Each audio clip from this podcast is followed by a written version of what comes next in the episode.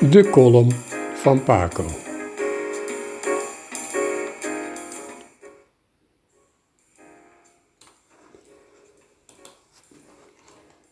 Het moest weer eens. De kapper. Traumatisch, ik houd helemaal niet van kappers. En dat komt omdat ik ook niet van weermannen houd. Uitgezonderd Piet Paulusma.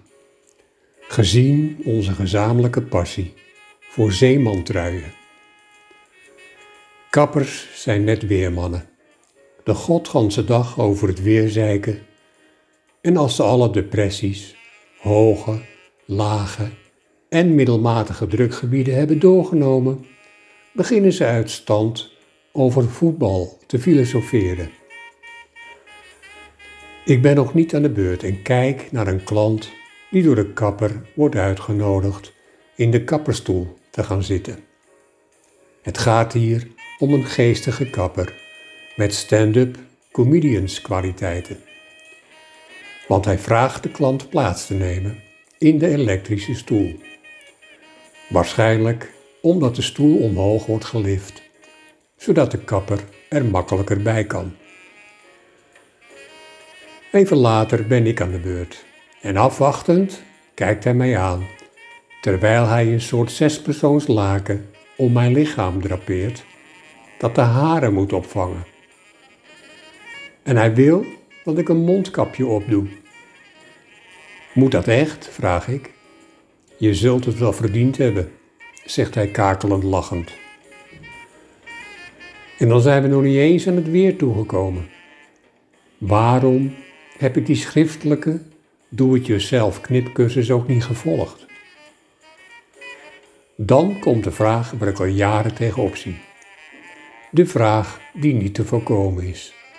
De vraag die je op het moment dat hij voor het eerst wordt gesteld, doet beseffen dat je ouder wordt. Zullen we de wenkbrauwen meteen maar even ruimen? Zomaar uit het niets en zonder enige voorbereiding word ik met deze pijnlijke vraag geconfronteerd. En hij zegt het natuurlijk niet zachtjes, luid en duidelijk en voor iedereen verstaanbaar. Zie ik die man daar links gniffelen?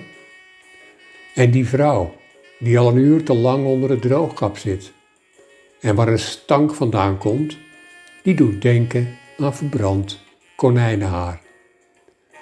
Zag ik haar gluiperig lachen? Of is het gewoon een grimas omdat haar hoofd op het punt staat in de fik te vliegen? Traumatisch dus. Is dat erg? Ja, dat is erg. Dat is verschrikkelijk. Dat is onomkeerbaar. Kan het nog erger? Ja, bijna niet te geloven, maar ja, dat kan. Want nog erger wordt het als hij de finale vraag stelt. De ultieme levensvraag. De nekslag. Kortom, de moeder van alle nekslagen. De vraag die gelukkig meestal pas tien jaar na de eerste vraag wordt gesteld. Zullen we de oren ook even ontharen?